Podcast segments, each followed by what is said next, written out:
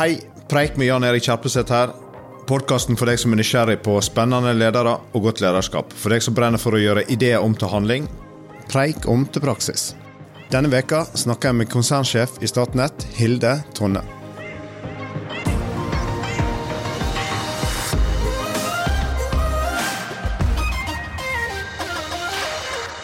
Hjertelig velkommen til Preik, Hilde Tonne. Tusen hjertelig takk. I mars 2021 tok du over som øverste leder i Statnett. Hadde du sett for deg hvilken plass ditt område og det selskapet du leder, skulle ha på den politiske dagsordenen? For å være helt ærlig, nei, det hadde jeg ikke. Jeg kom fra store internasjonale selskaper, hadde reist 200 dager i året. Skulle hjem og ta på meg en, jeg, det jeg oppfattet som svært viktig jobb i Norge. Men at det skulle få disse dimensjonene, det hadde jeg ikke trodd. Hvordan påvirker den enorme politiske og mediemessige oppmerksomheten dette området har fått, deg og ditt, din ledergjerning akkurat nå? Det er klart. Jeg hadde, jeg hadde, ganske klare tanker om hvordan jeg hadde lyst til å gå inn og være konsernsjef for første gang. Hvordan jeg ser teknologi og mennesker i sammenheng. Og hvordan oppdraget til et selskap som Statnett er sentralt og ekstremt viktig i det grønne skiftet. Jeg hadde jo sett for meg det. Og var forberedt på å, å gjøre de endringene og gå gjennom den transisjonen som selskapet hadde behov for å gå gjennom. Så det var der. Men å gjøre det med sånn lyskaster på seg, og være på en måte Plutselig bli det selskapet som jeg pleier å si er en blanding av rockestjerne og prygelknabe. Litt sånn annenhver dag. Noen ganger er vi får vi veldig mye positiv oppmerksomhet, og andre dager får vi oppmerksomhet som, som er direkte populistisk negativt, og noen ganger misforstått, spør meg. Men, men, det er klart vi må tåle begge deler når man står i, i det rampelyset. Det er det er utfordrende på den måten at 2000 eh, mennesker skal være med på en reise og en endring eh, som vi blir enige om gjennom en operasjonell strategi, gjennom ledelse i selskapet, gjennom reorganiseringer. Eh, og det skal de være med på mens de noen ganger får kjeft. Mens noen av oss måtte få hemmelig nummer. Og mens vi noen ganger hylles mer enn hva vi hadde trodd vi skulle gjøre. Så ja. Men alle toppledere tenker jo at en av de viktigste oppgavene vi har, det er å få endringen på innsiden til å gå mm. like fort som endringen på utsiden. Mm. Og innenfor eh, strøm, energi, så går det jo rekordfart. Mm. Jeg tipper at du kan lage analyser som plutselig er utdaterte etter veldig kort tid. Hvordan sikre at endringstakten på innsiden er like stor som endringstakten på utsiden? Hvordan starta du? Jeg startet med å snakke med folk. Og det du oppnår når du har én-til-én-samtaler, det gjorde jeg i forkant at jeg startet, for så, for så vidt. Én-til-én-samtaler med sånn ca. 50 mennesker eh, på alle nivåer i selskapet, fra alle forskjellige områder, det er at jeg lærte mye om hva situasjonen var da. Eh, og de lærte noe av min eh, måte å lede på og min fokus. Det var en sånn ørliten start som fortsatte etter hvert. Hvor jeg tror nok at de som jobber i Statnett, vil beskrive meg som ganske åpen som leder. Som er opptatt av at når man leder kunnskapsbedrifter som er i endring, som egentlig er på en måte min bakgrunn, da, så, så må folk skjønne hvorfor. Og det må vi snakke om. Og det må vi helt fra toppen av selskapet ut over ethvert ledersjikt og dypt inn i organisasjonen eh, tørre å ta dialog og samtaler om. Så det er måten jeg Eh, hva skal jeg si for noe strategisk sett angrep det på. Det jeg praktisk gjorde Vi satt jo fremdeles da i en pandemi. Jeg var en av de få som var på hovedkontoret på den tiden. Jeg fikk ikke lov å røre meg rundt i organisasjonen. Eh, jeg og min assistent Gabriella Bastiani vi satt alene i femte etasje. Hørtes litt ensomt ut. Det var veldig ensomt. Eh, store skjermer med team, alt var i orden. Vi kunne være på Teams på, på, det, på, det, meste. Landsentralen var selvfølgelig bemannet, men de skulle jo ingen snakke med, for hvis de hadde blitt syke, så hadde Norge gått i svart. Så det var en situasjon hvor alt det jeg snakker om av samtale, det jeg snakker om av åpenhet og kommunikasjon og å drive endring, måtte foregå på Teams. Så vi kjørte faktisk en strategiprosess fra mars-april 2021 frem til beslutning i styret, hvor vi etablerte en relativt hva skal jeg si for noe, heftig operasjonell strategi sammenlignet med hva som var der fra før av, eh, frem til beslutning. Og da var vi 30 stykker på Teams som skulle styres, inkludert konsernledelsen. Eh, og eksperter som kom med innspill. Og vi hadde temaer og workshops på Teams eh, ja, sånn 30 ganger eller noe sånt, før vi landa. Ja. Det var en spesiell måte å jobbe på. Betydelig involvering på strategi. Mm, veldig involvering. Og så er det sånn at De aller fleste av oss opplever jo at eh, den virkelig store utfordringen er å få strategien helt ut mm. i ytterste ledd i mm. organisasjonen, så ikke det stopper på veien imellom lederlagene. Så jeg pleier å si at det er tre hjørner i en trekant her. Det er etablering av en operasjonell strategi. Da har du gjort sånn 10% av jobben. Det er en øvelse som selvfølgelig har noe med eierskap og engasjement og involvering å gjøre, men 10 Så får du på en struktur, en virksomhetsstyring, eh, det er det andre hjørnet i den trekanten, som bygger opp under muligheten til å klare å levere. Da er du på et nivå hvor du har sånn ca. 20-25% av jobben er gjort. Da begynner du på den vanskelige jobben. Da begynner du på ledelse og kultur og implementering av den strategien. Og bruk av den organisasjonen. Og, og, de elementene som hører hjemme i den tredje delen av den, den trekanten, det er det vi er midt inne i nå. Og det året vi har brukt til å komme der vi er nå, vil jeg egentlig betegne som at jeg syns vi har beveget oss sakte. Mm. Det vil jeg bare si. Til å begynne med så må det fokuseres på hvorfor. Folk trenger å forstå hvorfor vi skal gjøre disse tingene, og det må vi bare bruke tid på. Det er det ene. Og det andre er oppfattelse av ledelse som en verdifull kompetanse i en tung faglig kompetansebedrift. Det er ikke bare lett. Så at ledere har hjerne, f.eks., er det en del som må overbevises om. Jeg pleier å si litt sånn småfleipete. Har konsernledelsen hjerne? Ja, det kan dere anta. Kan ikke utelukke det. Jeg kan ikke utelukke det. Og, det er, og, og, og en grunn til at jeg sier det litt sånn morsomt, og det er, det er en liten snegg av sannhet i det når jeg utfordrer på allmøter og andre steder rundt dette her. fordi vi som konsernledelse er mye mer operasjonelle enn hva som har vært nødvendig, eller vært gjort i hvert fall da, i Statnett tidligere. Vi er dønn operasjonelle fordi at hvis du skal få til endring, så må du ha hånden i grøten. Og du er nødt til å eh, kunne forstå nok av faglige innspill som kommer på en rask måte, sånn at du kan agere på det. Og da må du forstå operasjonen, og du må være dypere inn i operasjonen enn hva man kanskje måtte tidligere. Og det er vi, og da blir organisasjonen litt forvirret. Men er ikke det utrolig viktig i alle lederstillinger. Hvis du skal lede noe, så må du kunne nok til å sortere det viktige fra det mm. mindre viktige. Mm. Kunne være en god sparringpartner. Mm. Eh, og det er jo ingen motsetning mellom å være tett på og gi autonomi. Jeg er helt enig med deg. Det operasjonelle forståelsen må enhver toppleder ha. Alltid. Det jeg peker på, er at i tid med kraftig endring, så må du ha enda mer av det. Mm.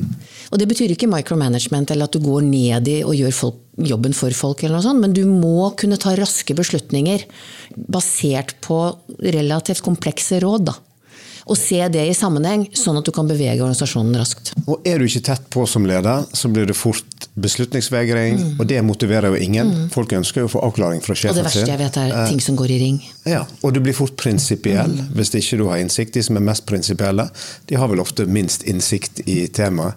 Så det er jo et utrolig viktig tema i forhold til tempo. da. Det er et veldig viktig tema i forhold til tempo. Men det begynner med i kunnskapsbedrifter der du har tungt faglig eh, grunnlag.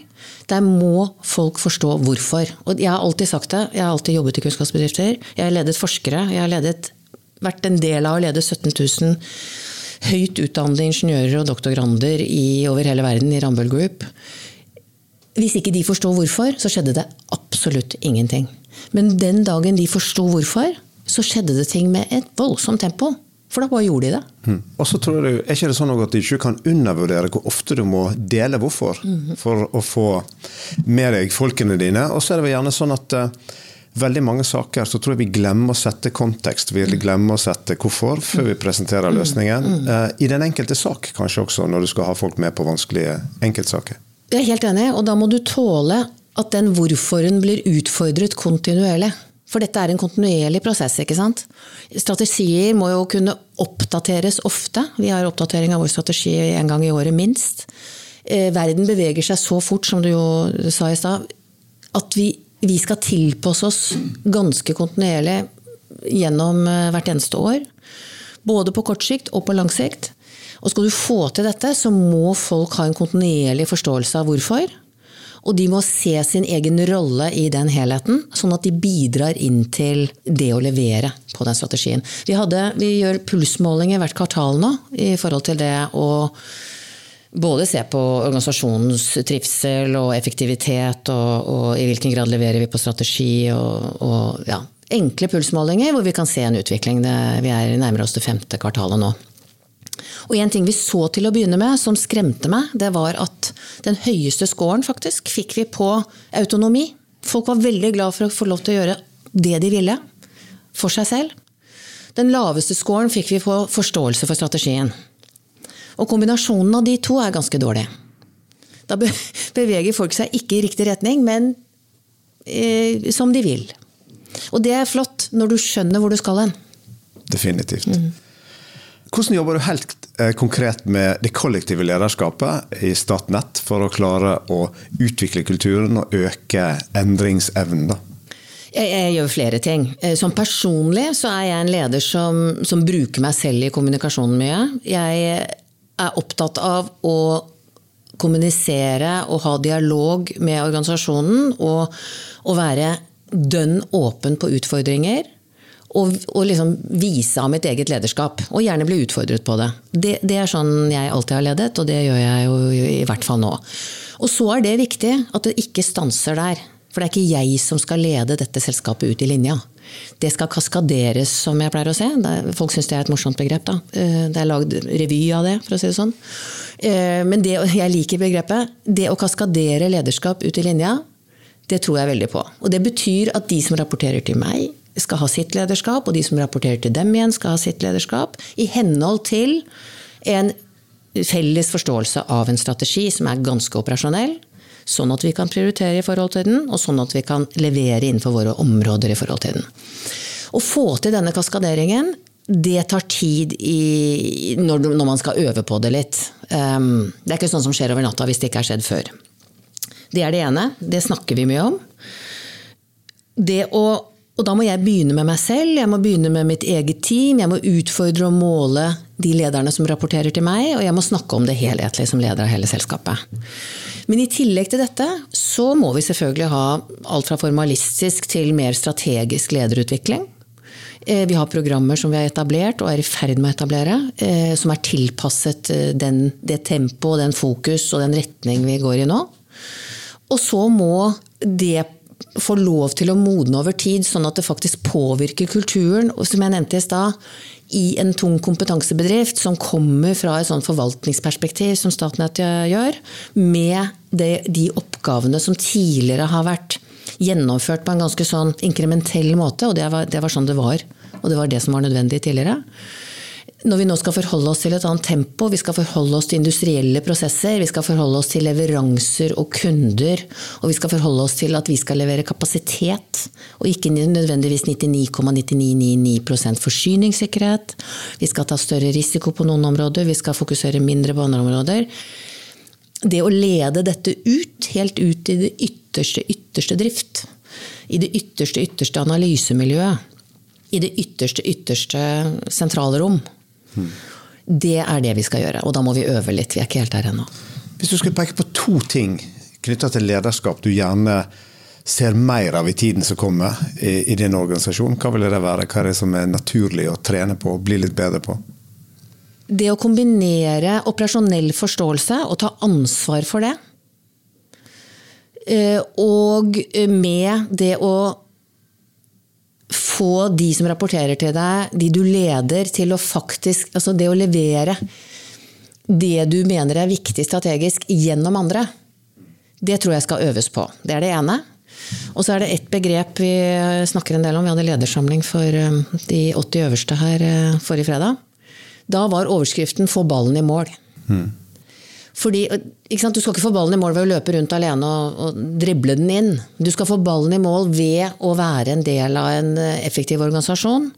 Hvor du skjønner strategien, hvor du blir ledet og er leder. Og du leder kanskje ledere som skal coaches på det.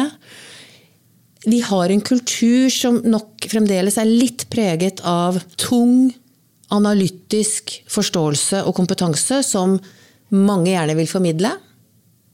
Og gi innspill til helhetlige prosesser. Og så må vi øve mer på at noen faktisk plukker opp den ballen og, og putter den i mål. Og da er det ikke da er det to ting. Det ene er at noen ganger er det uklart hvem det er som skal plukke opp den ballen. Så det må vi få klarhet i. Men noen ganger, selv om det er klart, så får vi ikke den ballen i mål. Undervurderer vi som ledere noen gang hvor lang reisen fra gode intensjoner til konkrete resultater mm. faktisk er? Mm. Og jeg tror vi undervurderer det siste, den siste mila. Mm. Inn i mål. Jeg vil tilbake igjen til den konteksten du leder i. Eh, det er jo ingen tvil om at eh, det er veldig store endringer på energipolitikk. Og vi skal gjennom enorm omstilling for å nå klimamålene våre.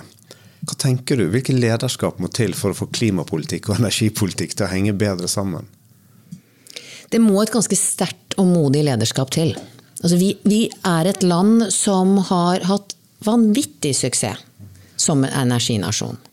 Og som et land som har skapt velferd for alle 5,3 millioner, og som lever godt. Det vi står overfor nå, er en så massiv endring, som også innebærer at det vi har levd av, den velferden vi er tuftet på, den kommer sakte, men sikkert til å bli borte. Den kommer til å få lavere priser og bli borte. Olje og gass skal erstattes av grønn industrialisering.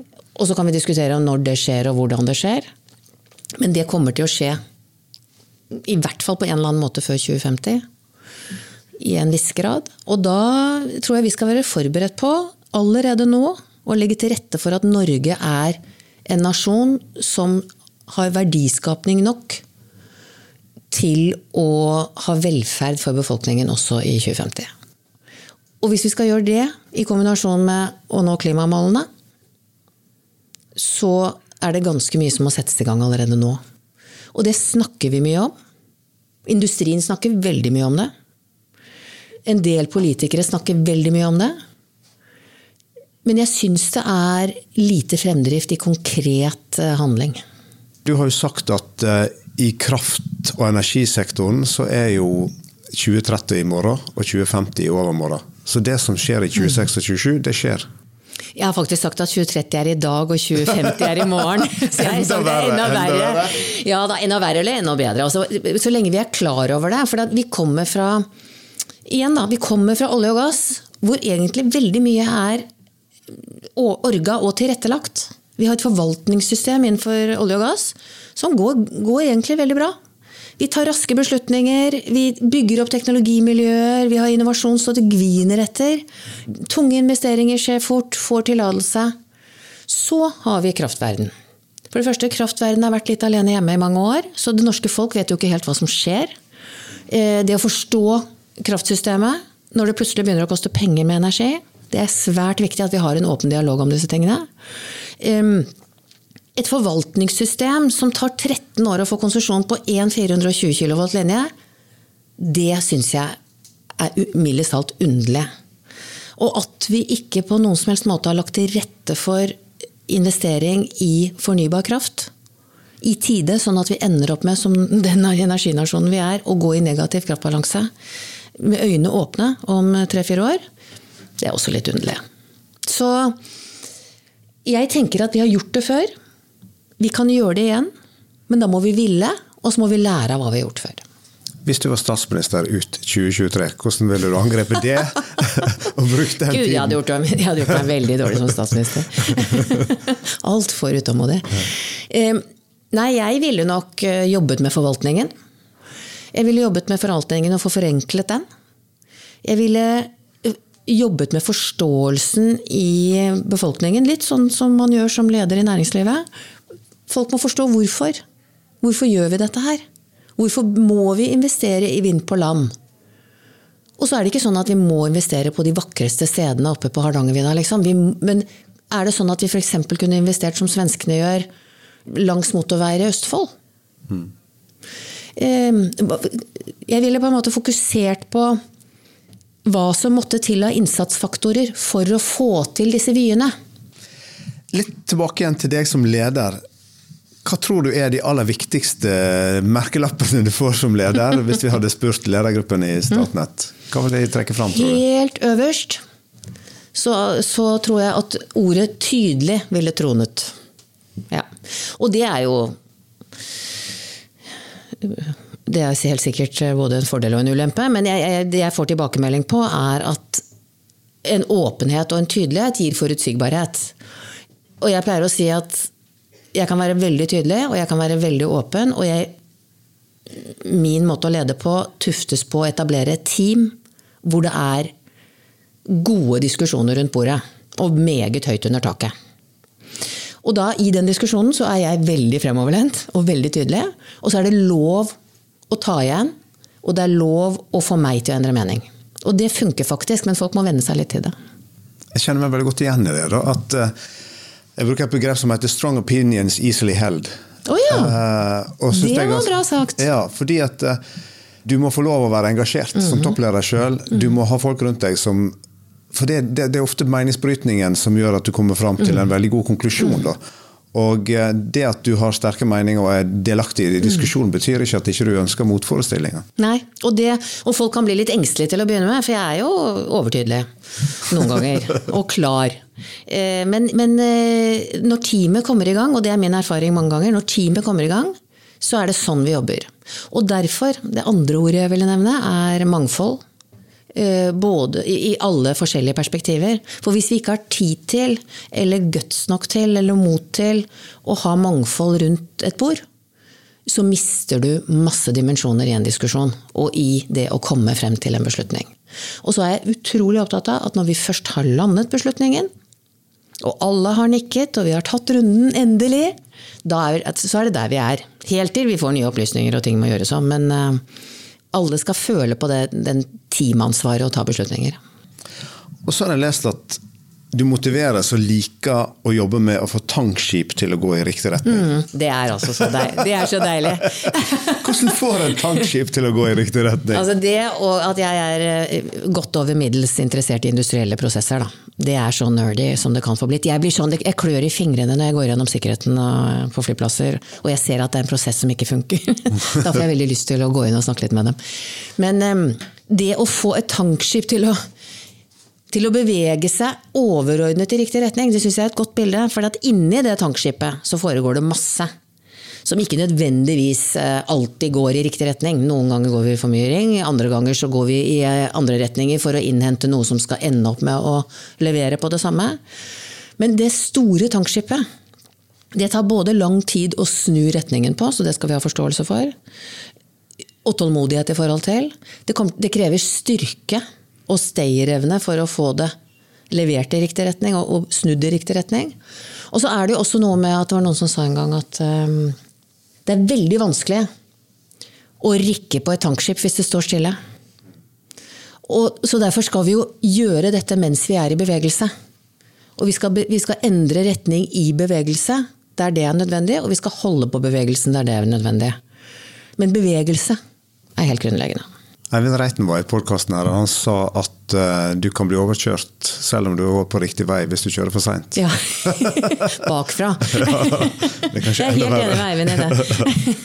jeg har lyst til å utfordre deg litt på en episode. En ting som jeg tipper du lærte mye av. og det var at Når du gikk fra Hydro til Statoil, eller nei, fra Hydro Statoil til Telenor, så fikk dere denne barnearbeidsskandalen i Bangladesh i fanget kort tid etter at du hadde begynt i selskapet. Og Fra sidelinjen så, så det ut som dere tok dette veldig på alvor og klarte å snu noe som var veldig krevende, til kanskje et case som er blitt brukt etterpå på hvordan en klarer å ta tak i sånne store kriser. Mm. Hva er det viktigste du lærte av den saken, og beskriv gjerne saken kort innledningsvis òg. Den saken var jo, den var jo helt ekstrem. Var, jeg hadde jobbet i selskapet i tre måneder. Så kom det en eh, dansk dokumentar på, som beskrev barnearbeid i vår leverandørkjede i Bangladesh.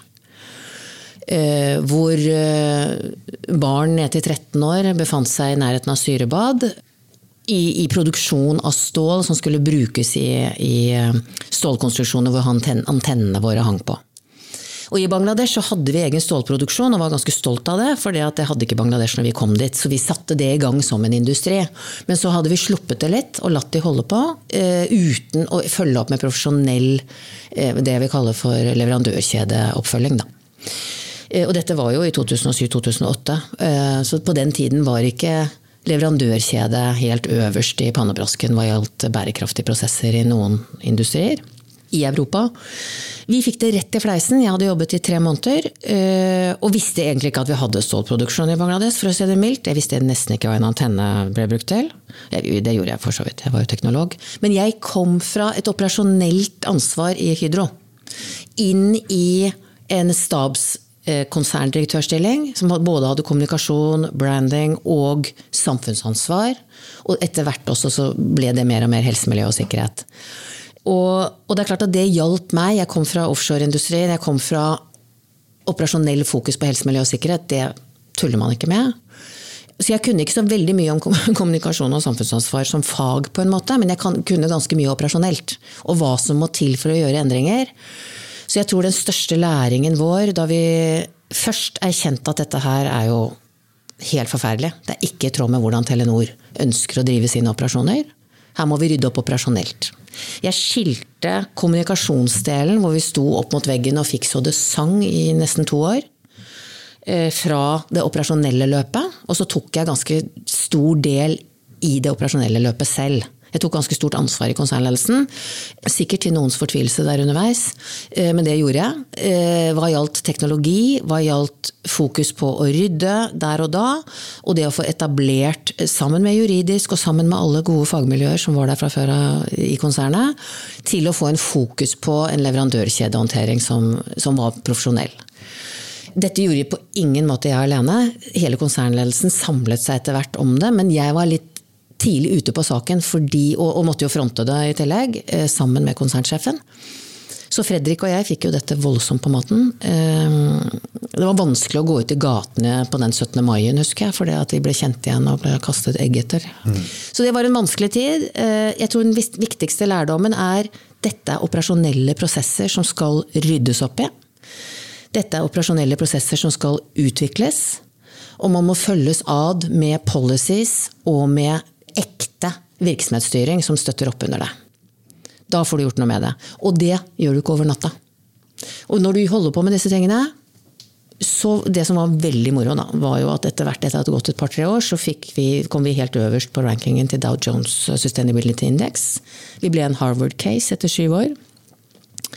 Og eh, gjengen i Bangladesh i Grameenphone ble jo selskapets beste på helse, miljø og sikkerhet. Det var ganske fascinerende å se. Altså. Det var en gjeng med kompetente mennesker som hadde skjønt hvorfor. Det var veldig gøy. Du har stått i en eh, krevende situasjon i forhold til eh, å være styreleder i Forskningsrådet, der styret gikk av i fjor. Og nå står du midt i spotlighten i forhold til en mer polarisert debatt. Mm. Kanskje finner du ikke en kraftdebatten i Norge akkurat nå. Hva gjør du for å skjerme deg sjøl, hva gjør du for å koble av, hva gjør du for å unngå at dette blir altoppslukende? For ingen av oss er jo virkelig gode hvis vi ikke får hentet energi, får koblet litt av, får perspektivert ting. Da. For det første så er jo jeg en voksen dame. Og som du beskriver, jeg har vært i krigen før. jeg har vært ute en vinternatt før. Eh, det der med å beholde roen, det å klare å distansere seg og klare å koble av, det tror jeg det er trening. Det tror jeg faktisk. Og, og, noen har mer evne til det enn andre. Jeg har en evne til å bytte fokus fra ett sekund til en annen. Eh, det tror jeg mange ledere har. Og den er jo utviklet eh, når du er 57 år, så begynner du å skjønne hvordan, hva du gjør da, for å få det til. Men hva jeg gjør Altså, jeg tar lange løpeturer. Jeg trener. Jeg liker å være sammen med mennesker som ikke snakker om kraft hele tiden. Mm. Jeg, jeg, nå er det sjelden jeg går i middagsselskaper uten at det blir en kabeldiskusjon av det. Men jeg ber om nåde til slutt, da. Liksom, kan vi snakke om noe annet?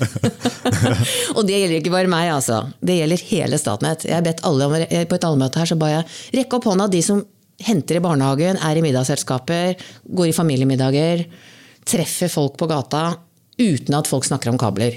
Mm. Alle rakk opp hånda. Ja. Så det er, ehm, det er noe vi må leve med. Men, det, men det, måten jeg kobler av på jeg ehm, jeg tror jeg evner det etter både trening og har vel et visst talent for det.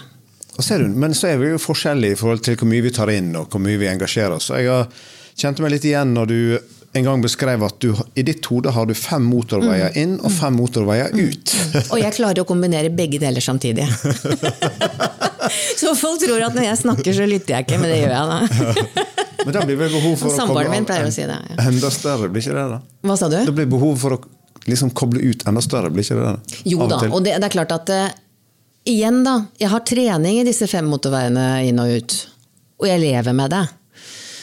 Eh, men jeg har jo også mine triks til å koble av. Mm. Som sagt, trening har jeg nevnt. Jeg kan se på en ekstremt dårlig serie og tenke på noe helt annet. Eh, jeg leser bøker hvis jeg får anledning. Så jeg vet, bare det å vite at du må koble av, og øve litt på det, tror jeg hjelper. Et siste spørsmål. Du sa du trente for å koble av. Er persen din fortsatt 95 kilo i markløft? jeg, jeg, angrer litt på at jeg sa det der i Dagens Næringsliv. Eh, persen er fortsatt 95, og, men vi har en plan om, eh, som han treneren min eh, kaller det, the road to 100. La oss se om vi får det til. Tusen takk for at du vil være med i Preik, Hilde Tonne. Tusen takk for meg.